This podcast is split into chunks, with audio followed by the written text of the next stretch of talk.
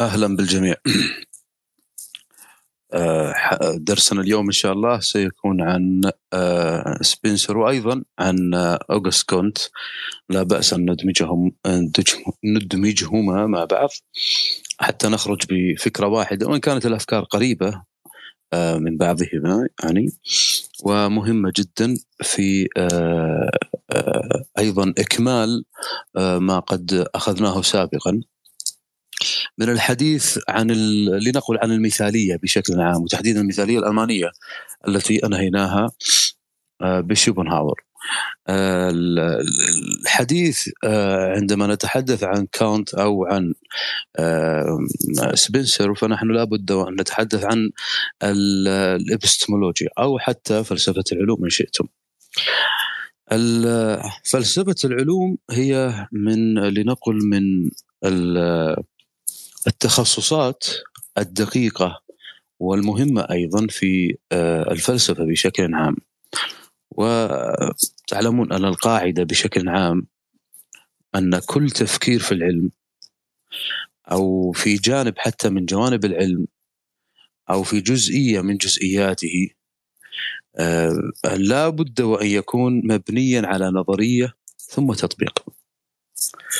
فالنظرية والتطبيق لا تنفك عن بعضهما. وسنشاهد بعد قليل أو سنسمع بعد قليل أن ثمة إشكالية في في هذا التطابق. وهذا يعني ما أشكل كثيرا في عند سبنسر تحديدا وحتى عند أوغست كونت. ولكن آه لابد أن ندرس أيضا الفهم أو العلاقة بينهما بين لنقل مثلا عند بين الفلسفة والعلم من أوجه يعني دراسة مثلا علاقات العلم. دراسة ما العلاقة ما بين العلم ومن جهة والعالم أو المجتمع من جهة أخرى. فيصبح العلم ظاهرة اجتماعية. هذه الآن نقطة. أيضا ما علاقة العلم بالقيم الإنسانية؟ وهذه نقاط مهمة جدا في التأصيل. كيف يكون أو كيف تفهم العلم باعتباره ظاهرة اجتماعية. ولاحظوا هذه ستجعل آه، كثيرا من عند تأملها وأرجو أن تفعلوا ذلك ستجد أن كثيرا مما آه، تلاحظه عنده إشكالية كبيرة جدا في كيفية تحويل أو كيفية جعل العلم الفلسفة أيضا كيف نجعلها ظاهرة اجتماعية؟ ما علاقتها بالمجتمع؟ ما علاقتها بما يدور في المجتمع؟ هناك سيرورة في المجتمع ما علاقة هذه بتلك. هذه لابد أن تكون أيضا بينة وظاهرة. دائما إذا أخذتم يعني نظرية من النظريات أو علم من العلوم بعد أن تتشبعوا من هذه النظرية أو هذا العلم لابد أيضا أن تسألوا ما علاقته بالظواهر الاجتماعية. إن كان له علاقة بالظواهر الاجتماعية فحتما سيكون خاضعا للتجريب أو قابلا للتجريب. لكن إذا كان ليس كذلك فلا قيمة له سيبقى نظرية. وبهذا على الأقل في زماننا لن نستفيد منه. قد يستفيد منه من يأتي بعدنا ولو بمئة عام. هنا تأتي أيضا القراءة التاريخانية لا أقول في علم من العلوم الذي وصل إلي أن الذين كانوا قبلي كانوا متخلفين. أو أن الذي مثلا كتب هذا الكتاب أو هذه النظرية كان سابقا لعصره. هذه شعارات أدبية ليست علمية. لماذا؟ لأنه هو تصوراته تصوراته لا أقول إنها سبقت المجتمع لا. إنما تصوراته كانت خاضعة لقوانين لم تكن خاضعة لها قوانين العلم في مجتمعه. وأيضا سنأتي آه، لسبنسر بعد قليل وسنرى كيف أن هذه الفكرة هي فكرة يعني طبقت لنقل أو أن سيرة سبنسر آه، طبقت هذه الفكرة حتى يعني تفهموا أن كثير أيضا من الأفكار الدارجة والتي تدور هي أفكار إن شئتم أدبية أو ليست أدبية بالمعنى الدقيق إنما هي انفعالية ولكنها ليست في باب العلم. أيضا إذا أتيت بعلم أو نظرية لابد أن تسأل ما علاقتها بالقيم القيم الإنسانية. ثمة اختراعات لنقل. هذه الاختراعات آه سواء كانت اختراعات نظرية أو غير ذلك يعني اخترعها ابتدعها إن شئتم هل قد لا تتوافق مع القيم الإنسانية؟ سأعطي مثلا مثال طبي. لنفترض أن فلان اكتشف علاجا ينهي مرض مثلا مرض السكر. مثلا يعني. لكن كل من أخذ من هذا العلاج لا بد وأن يصاب مثلا بالفشل الكلوي. هل سيكون هذا العلاج له قيمة؟ لا ليس له قيمة. ما القيمة؟ ما الفائدة أن تعالجني من هنا وتمرضنا من هنا؟ وهو مرض خطير أيضا أو صعب يعني. فهذه الآن ليست من القيم. أن تفعل ايجابيا من جهة أو أن آه، تعالج امرا من جهة ثم آه، تفعل آه، مثلا أسوأ منه من جهة أخرى. هذه لا تستقيم. اذا فلا بد أيضا أن يكون العلم وأنت تنظر وأنت تكتب وأنت تقول رأيك. لابد أن تفهم هذه تستقيم مع القيم الإنسانية أم لا. إذا لم تكن تستقيم مع القيم الإنسانية فهي ليست بعلم. إذا كانت تستقيم مع القيم الإنسانية فهي هنا داخلة في العلم ويمكن تجربتها بعد ذلك. فلا بد هنا أن تخضع هذه النظريات وهذه العلوم لا بد أن تخضعها أيضا لمبدأ القيم الإنسانية. كما قلنا لا قيمة ابدا لأن أعالجك من السكر ويكون ثمن علاجي لك من السكر أن تصاب بالفشل الكلوي. هنا ليست من القيم. أو أن أعالجك من أمر معين اقتصاديا مثلا. لكني أوجد اشكاليه أخرى. مثلا في في عالم مثلا تنقيب البترول على سبيل المثال. الزيادة في التنقيب قد تسبب زلازل إذا ما الفائدة إذا من هذا الأمر؟ هنا أنا سب هنا قد أكون حصلت على مال من هنا لكني آه، أيضا تسببت في كارثة قد تجعلني أدفع أضعاف ما كسبته من هنا.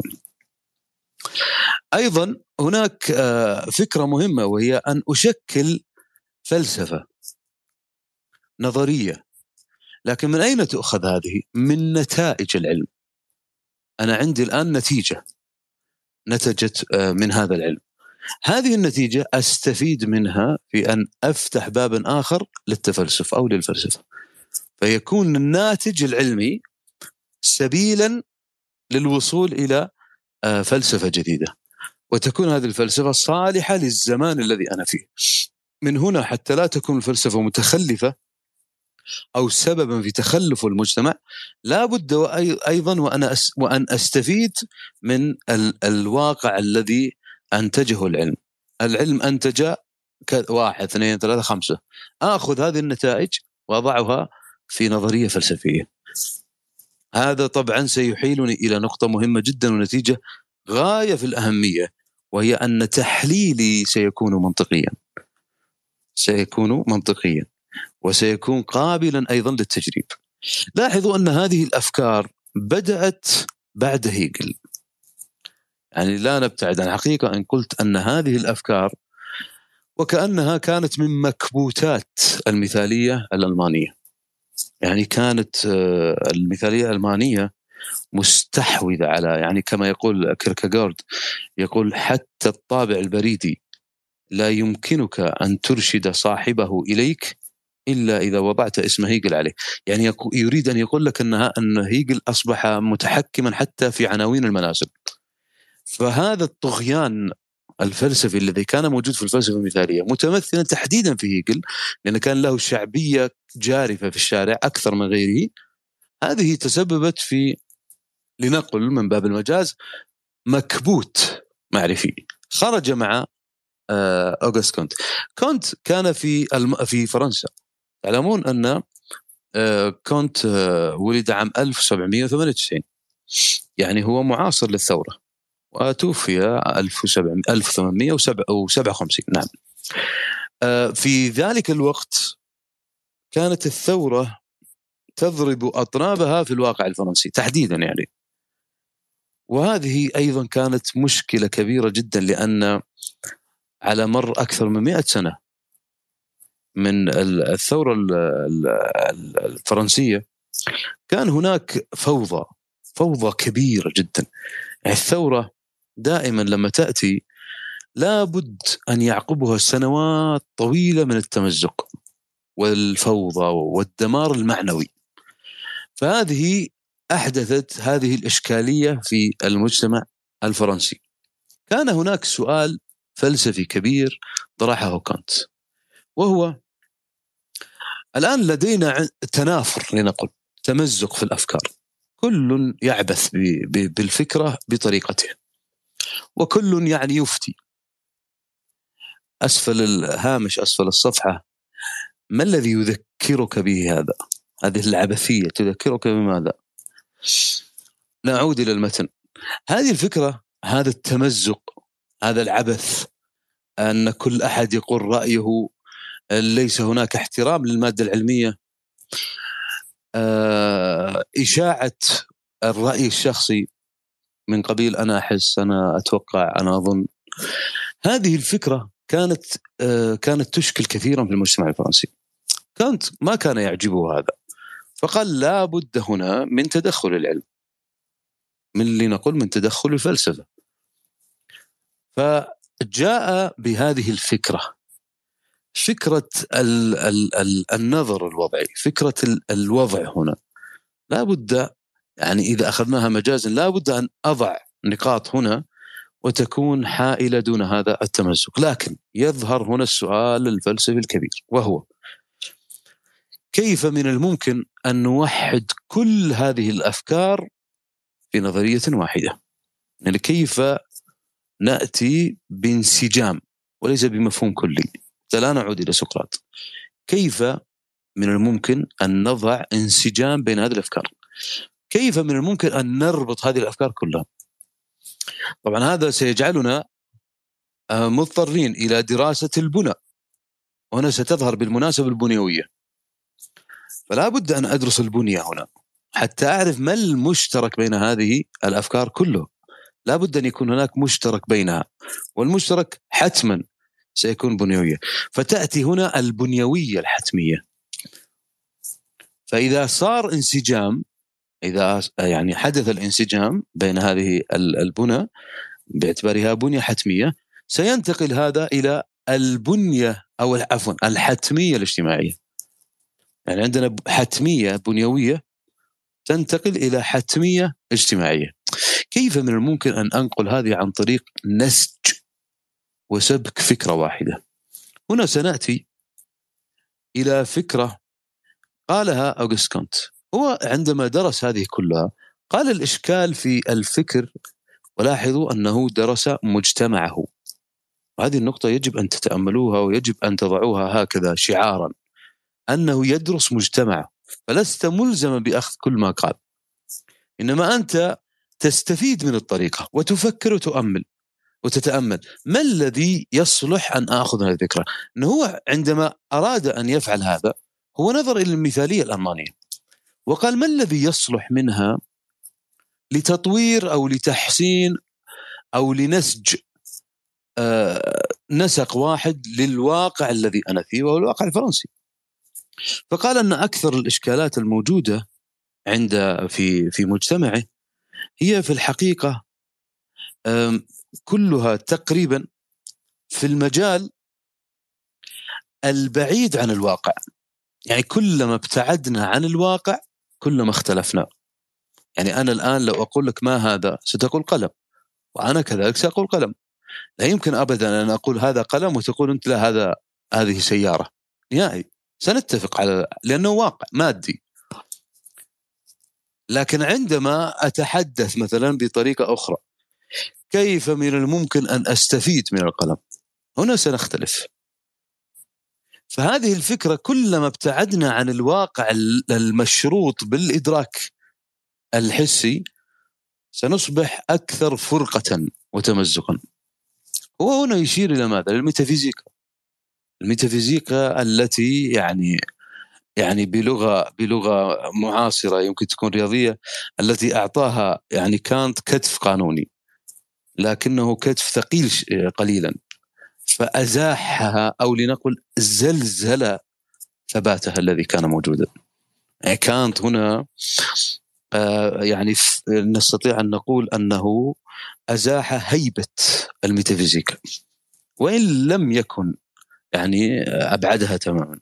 سنشاهد الآن أنها ستكون لابد حتما ستكون بعيدة لكنها ستعود مرة أخرى.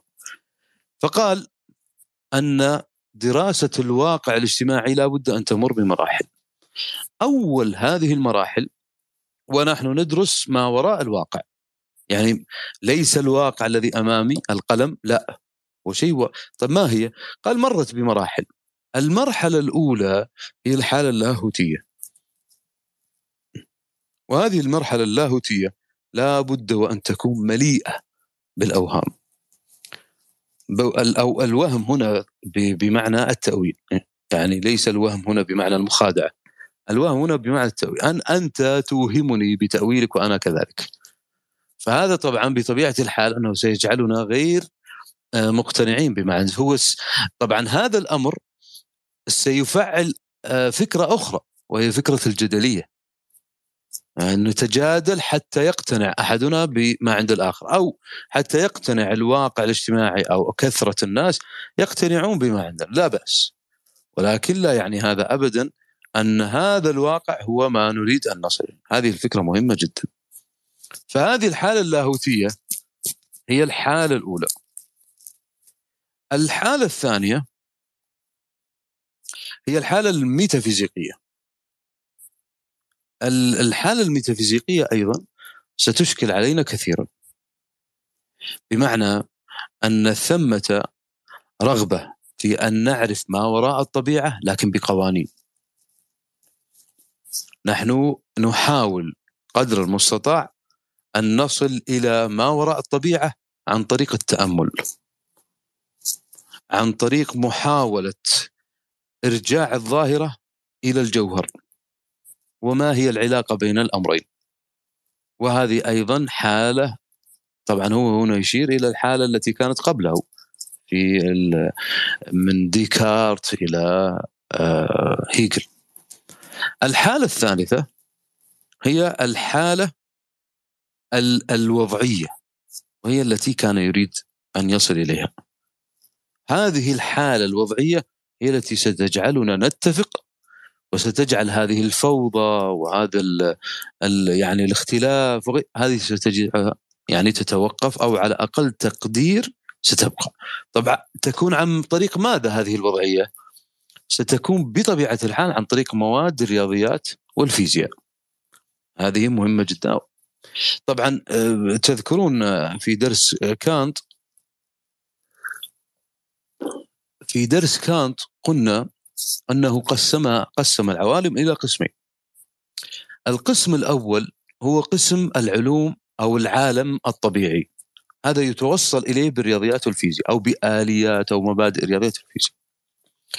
والقسم الثاني هو قسم العلوم أو العوالم ما وراء الطبيعية الميتافيزيقي. هذه العوالم لا يمكن التوصل إليها بمبادئ الرياضيات والفيزياء. يتوصل إليها فقط إن شئتم بالإيمان. هو هنا قال كانت قال لماذا أصلا نتوصل إليها؟ لا نريد ما بيننا اجتماعيا يكون وضعي فقط. لا نريد هذه العوالم الأخرى أن تسيطر على ما نحن فيه. هذه فكرة طبعا سيأتي سبنسر بعد قليل ويقول آه يقول رأي آخر. لو تعدلون الميم في العنوان إلى نون هذا التسمية الصحيحة. كنت بالنون الآن هنا أمامنا طبعا مجموعة علوم. هو قسمها هنا إلى أصناف. عندنا آه، يعني كنوع من تصنيف العلوم حسب يعني آه، يعني زي ما آه، لنقل حسب ترتيبها ترتيبها من مرحلة عموميتها أو تجريدها. يعني أن تكون مجردة تماما كتدريج فيها. يعني من أعلى إلى أسفل. وكيفية آه، لنقل يعني آه، نوع من التعقيد لها. وأيضا هذه هذا التصنيف سيأتي سبنسر أيضا ويكون له تصنيف. وصنفها إلى ستة أصناف. هذه مسألة العلوم الآن. رياضيات والفلك والفيزياء والكيمياء والبيولوجيا والسوسيولوجيا لاحظ إنه أدمج هنا السوسيولوجيا يعني علم اجتماع أدمجها بماذا؟ بالرياضيات. هو هو بالمناسبة مؤسس لنقل آه، علم الاجتماع. الثانية آه، طبعا هو كان يسميها الفيزياء الاجتماعية بالمناسبة. بقية العلوم هي إما أن تكون عبارة عن تطبيق لعلم آخر مثل الطب. الطب هو تطبيق لعلم آخر الذي هو الفسيولوجيا أو علوم آه، في الظاهرة. ليست في الواقع. لا هي عبارة عن دراسة لظاهرة موجودة. مثل ماذا؟ مثل اللغة أو النحو. وليس وج... ليس هناك شيء اسمه نحو. إنما النحو يصف سلوكا اجتماعيا نمارسه عن طريق هذه الأصوات التي نبثها لبعض. وهو عبارة عن وصف. آه ثم توقف طبعا عند علم النفس فقال أن هذا ليس بعلم.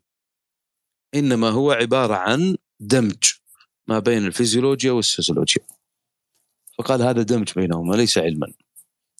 طبعا سيأتي سارتر بعد ذلك بعد سنوات طويلة يعني ويحيي ما قاله في علم النفس مرة أخرى. لكن سارتر سيطيل جدا في الاستهزاء والسخرية بعلم النفس وعلمائه وتحديدا فرويد. الآن لاحظوا أن هذه فكرة آه، فكرة آه، كونت بشكل عام ولا يخفاكم أن فيها وعليها أو لها وعليها. آه، لكنها يعني يستأنس بها إذا أخذناها على أنها محاولة منه لإنشاء لنقل وحدة تركيبية للعلوم. وكان يريد أن يصل بها إلى أن تكون هذه الفلسفة. وهذه الطريقة من التفلسف. هي بديل علمي وضعي. للفلسفة الميتافيزيقية. بمعنى كيف نخضع كل شيء للواقع المادي. هذه طبعا بطبيعة الحال ستكون فيها إشكال يعني في هذه النقطة. بعد ذلك طبعا هذا تقريبا يعني فيما يخص مثلا طبعا الآن إذا أخذتم هذه الفكرة فسيقول هو أن أن حتى الظواهر الاجتماعية لابد وأن تخضع لقوانين صارمة جدا كقوانين الفيزياء مثلا. وهذه لا بد منها. هو مر بمراحل لعلكم قرأتموها أيضا في كتاب ويلدرانت مراحل يعني كانت صعبة في حياته. من أبرزها المرحلة الصعبة جدا بعد زواجه. وتزوج بعد فترة قليلة آه، وصل به الحال إلى أنه يريد الانتحار.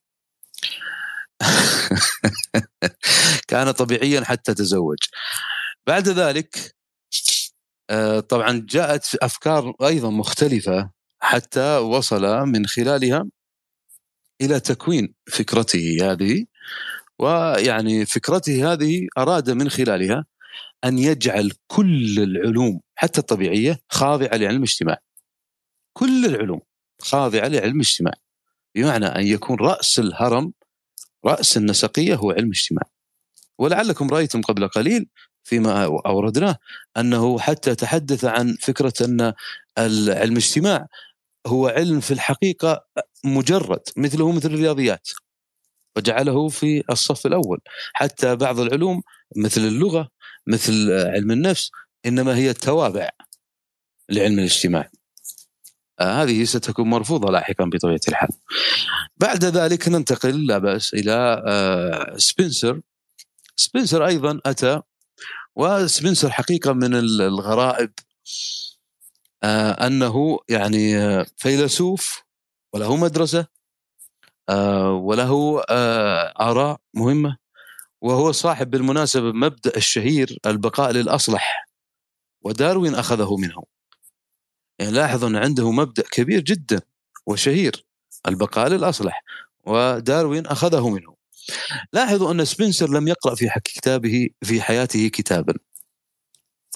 يعني حتى أفضل من تحدث عنه بعاطفة قال أنه قرأ مجموعة قليلة جدا من الكتب.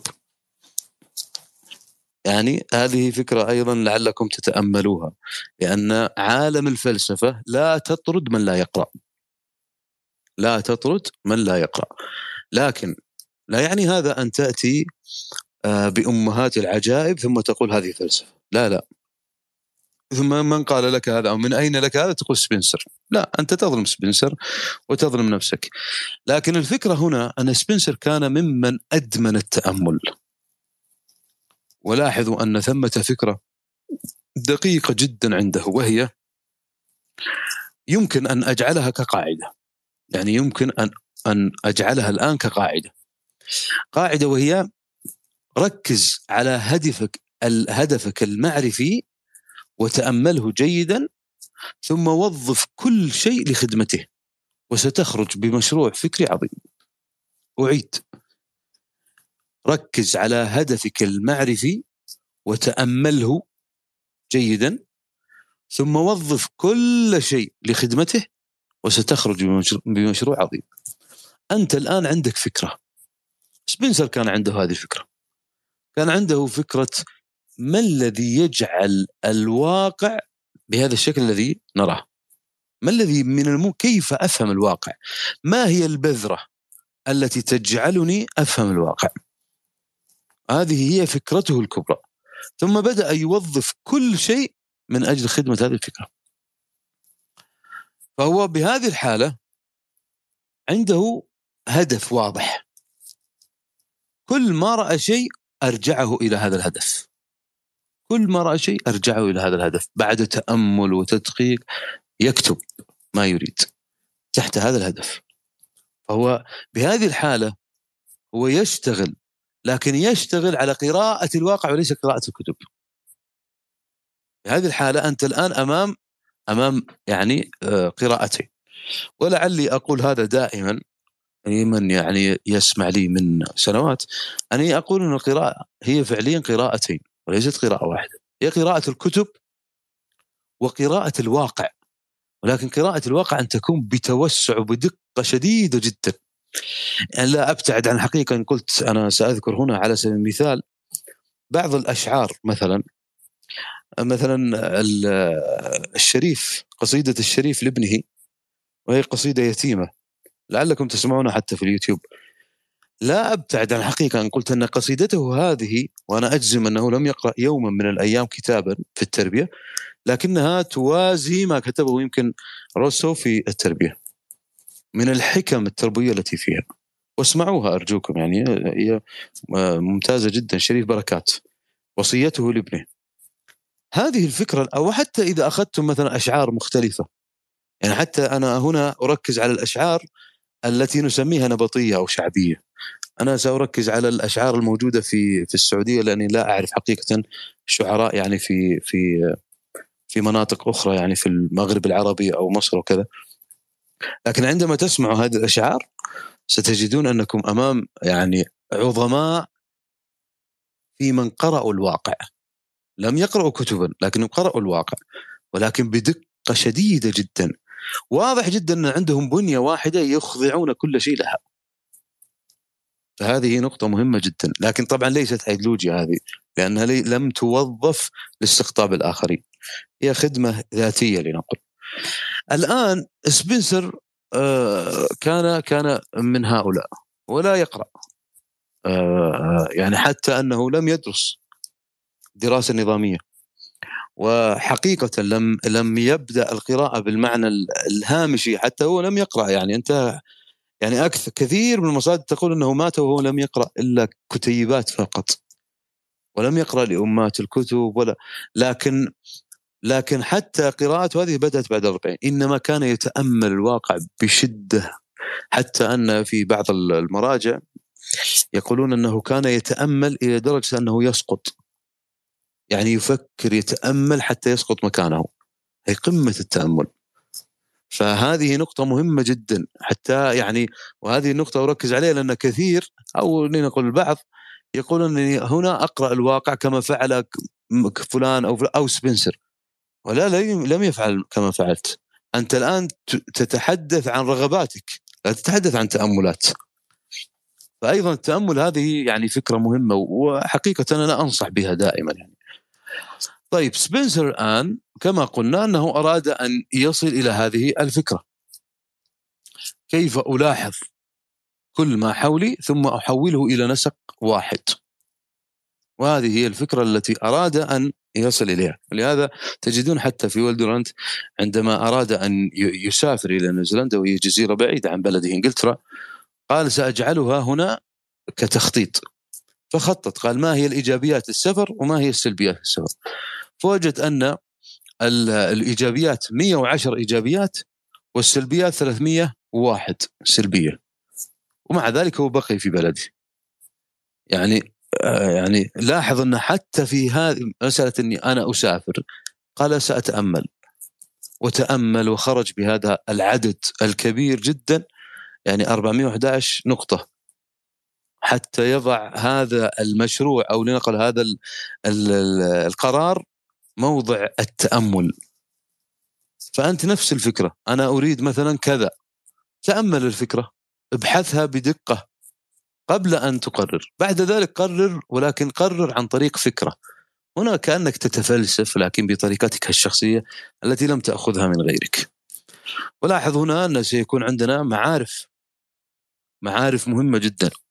يعني إذا قسمنا هذه هذه الفترة التي كان فيها أوغست كونت وأيضا سبنسر سنجد أن هناك معارف مرتبطة بالتصور الفكري. هناك معارف مرتبطة بالظواهر الواقعية أو التجريبية إن شئتم. هذه الفكرة نقل لنقل سبنسر وأيضا كونت ينتمون إلى الثانية. اللي هي المرتبطة بظواهر الواقع أو بالتجربة. الآن آه، بالنسبة ل طبعا هذا سيطول جدا الحديث لو أخذنا حتى دائز فيينا والوضعية المنطقية بعد ذلك وكيف تأثرت به.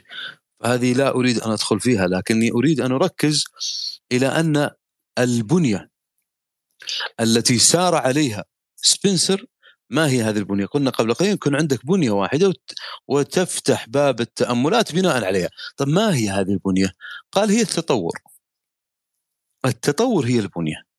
يعني هذا الآن أخذ هذه الفكرة وقال أن هذه الفكرة هي هي فعليا الفكرة التي تبنى عليها كل العلوم وكل المعارف. فأراد أن أن ينشئ لنقل فلسفة تركيبية كما كان أيضا كونت. يعني أن يركب المفترقات وكأنها مفترقات. يريد أن يركبها كلها في نسق واحد فلسفة واحدة. ما ما اسم هذه الفلسفة؟ قال هي الفلسفة التطورية. فهذه أيضا نقطة مهمة. تعلمون أنه عاش في نفس الفترة ونفس البلد الذي عاش فيه آه، داروين أيضا. ولكن ركز هو على نقطة مهمة جدا.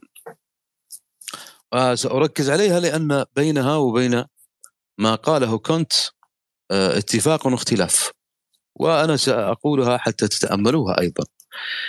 الآن قلنا أن كونت قبل قليل أزال الع... ما وراء الطبيعة. قال لابد أن يكون كل شيء واقعي ومنطقي ووضعي و طيب. لما أتى آه، سبنسر قال لا ليس بهذا الشكل. قال هناك مجال معلوم. وهناك مجال مجهول. عندنا الآن مجالين. ولكن أولا لابد أن نعرف يعني تقسيم العلوم عنده ولأن هذا سينفعنا كثيرا في فهم أيضا النقطة التي ستأتي بعدها. الآن مجال المعلوم هو يتكون من عدة علوم. العلوم المجردة تجريدا خالصا. هذه المنطق والرياضيات. وهناك علوم مجردة ومشخصة في نفس الوقت. مجردة مشخصة. هذه الميكانيكا والكيمياء والفيزياء. وهناك علوم مشخصة. وهي الفلك الجيولوجيا وأيضا البيولوجيا. البيولوجيا من داخلها ضم فيها الأخلاق وعلم النفس وعلم الاجتماع. هذه الثلاث ضمها في البيولوجيا. الآن عندنا هذا التقسيم. تقسيم ثلاثي عنده. طيب. هو تجريبي كما قلنا قبل قليل. يعني قلنا أن العلوم الآن تصبح منقسمة إلى قسمين. قلنا أن على التصورات وقلنا أيضا على التجربة. هو تجريبي. طيب. الآن عندنا مشكلة. الآن هذا مجال المعلوم اللي هو العلوم اللي قسمناها قبل قليل. طيب عندنا المشكلة ما هي؟ مجال هذا المعلوم لا بد مع اسمه معلوم. اذا ما نقيضه؟ المجهول. إحنا ما قلنا معلوم إلا أن أكيد أكيد داخله شيء مجهول. إذا لابد منطقيا أن يكون هناك شيء مجهول. طب ما هو هذا المجهول؟ قال المعلوم المعلوم هو الذي نصل إليه مباشرة بهذه العلوم طب ما هو المجهول؟ المجهول هو الذي يتجاوز الإدراك. لماذا؟ لأنه مطلق. لا يمكن حده بهذه النظريات. النظرية هذه التي نريد أن نؤلفها نجعلها موضوع وضعية هذه تكون في المعلوم الذي بيني وبينك. ولكن ثمة أمر مطلق لا يمكن أن أحده بالعلوم. طب هذا المطلق كيف من الممكن أتعامل معه؟ قال ليس بالعلم إنما بالدين. ولهذا لا يمكن استبعاد الدين في هذه الحالة. لاحظ أن هنا مفارقة بينه وبين من؟ بين أوغست كونت. تأتي هنا فكرة الدين وتصبح حاضره بمعنى أن الإشكال الأكبر في ظنه قلنا قبل قليل الإشكال الأكبر كيف حله كانت. طب هو نفسه كيف حله سبنسر؟ قال الإشكال الأكبر هنا أن عندنا مجالين تم الخلط بينهما. مجال معلوم وهو مجال العلوم التي قلنا قبل قليل رياضيات وفلك فيزياء وعلم النفس وعلم الاجتماع و. طيب مجال آخر هو الذي فوق تصوراتنا. لا يمكن أن نحده بالعلم ما هو؟ قال الدين. طيب. الآن اذا عندنا مجالين. مجال المعلوم ومجال المجهول. المجهول لا يمكن الوصول إليه إلا بالدين. الإشكال هنا كيف حدث؟ حدث من خلال الخلط بين الأمرين. فيأتي مثلا من هو متخصص مثلا في مجال المعلوم ويعطي رأيه في الدين. ويأتي مثلا الدين ويعطي رأيه في المعلوم. فأصبحت يعني شربة. كل واحد يعطي رأيه فيما لا يحسنه. من هنا صارت القضية هنا فيها إشكال كبير. المفترض الآن كل واحد يكون مرتبطا بتخصصه فقط. لا علاقة لك بتخصص الآخر. أنت لك مجالك فقط. كما قلنا لاحظوا أن هذا يبدو لي يبدو لي أنه أيضا قد اكتسبه من خلال آه، من خلال طريقته في التعلم. ما قلنا قبل قليل أنه كان ما يقرأ لكنه يتأمل الواقع ثم يرجعه إلى بنيه. لعل هذه الفكرة أخذها من طريقته. فقال لا بد أن يكون لديك بنية. أنت الآن مجالك مثلا الدين. اترك الأشياء الثانية التي لها علاقة بالتجربة. ابقى فقط في تخصصك لنقل أنت مجالك مثلا في الفيزياء. ابقى في الفيزياء. لابد يكون عندك بنية وتبقى فيها فقط. بهذه الحالة لن يكون هناك افتراق ولن يكون هناك هذه الفوضى التي نراها الآن في العلوم وفي غير العلوم. ولهذا يمكن تقسيم الواقع الاجتماعي حسب هذه النظرية التطورية إلى ثلاث أقسام. القسم الأول أو لنقل أن الناس يعني تجاه هذه المعارف ينقسمون إلى ثلاث أقسام. القسم الأول هم من عندهم معرفة غير موحدة. يعني هو عنده معرفة بس غير موحدة نقول معلومات يعني غير موحدة. من هم هؤلاء؟ قال هؤلاء عامة الناس يفتون في كل شيء. هؤلاء موجودين مثلا في مواقع التواصل كمثال يعني أو تدخل مجلس أو كذا. هذول المنتشرين يعني موجودين في كل مكان ولله الحمد. هذا هؤلاء عندهم معرفة لكنها غير موحدة ما عندهم بنية. تجده ينثر ما عنده من انفعالات في كل شيء تريده. ما الذي تريده؟ فيزياء. أنا أجيب أجيبك في ثقوب سوداء. فيه. الطب موجود. عطارة موجود. الجن موجود. تقرأ علي. أنا أقرأ عليك. أي شيء عنده. هؤلاء معرفتهم غير موحدة. الثاني عندهم معرفة لكنها معرفة ناقصة للوحدة. هذه المعرفة العلمية. لماذا؟ لأنها تجريبية باستمرار. فهي لا يمكن أن أوحدها بنظرية واحدة. تجريبية باستمرار. ثالث هذه المعارف هي المعرفة الموحد. ويمكن أن نقول أيضا الموحدة. يعني أن تكون فاعل ومفعول في نفس الوقت. وهي المعرفة الفلسفية. المعرفة الفلسفية هي التي تضع النسق لكل هذا. ولهذا لا بد من الفلسفة ولا بد أن يكون هناك نسقية هي التي تجمع شتات كل هذا أو هذه الفوضى التي نراها. هذه ستكون بوادر لخلق أو لبداية المادية الجدلية التي ستكون مع ماركس تحديدا وأيضا صديقه آه، إنجلز وأيضا ستكون بوابة كبيرة لليلين وما كتبه بعد ذلك. لعلي أتوقف هنا حتى لا أطيل عليكم وأرجو أن يكون فيما قلته فائدة وفتح باب أيضا للتأمل فيما قلناه.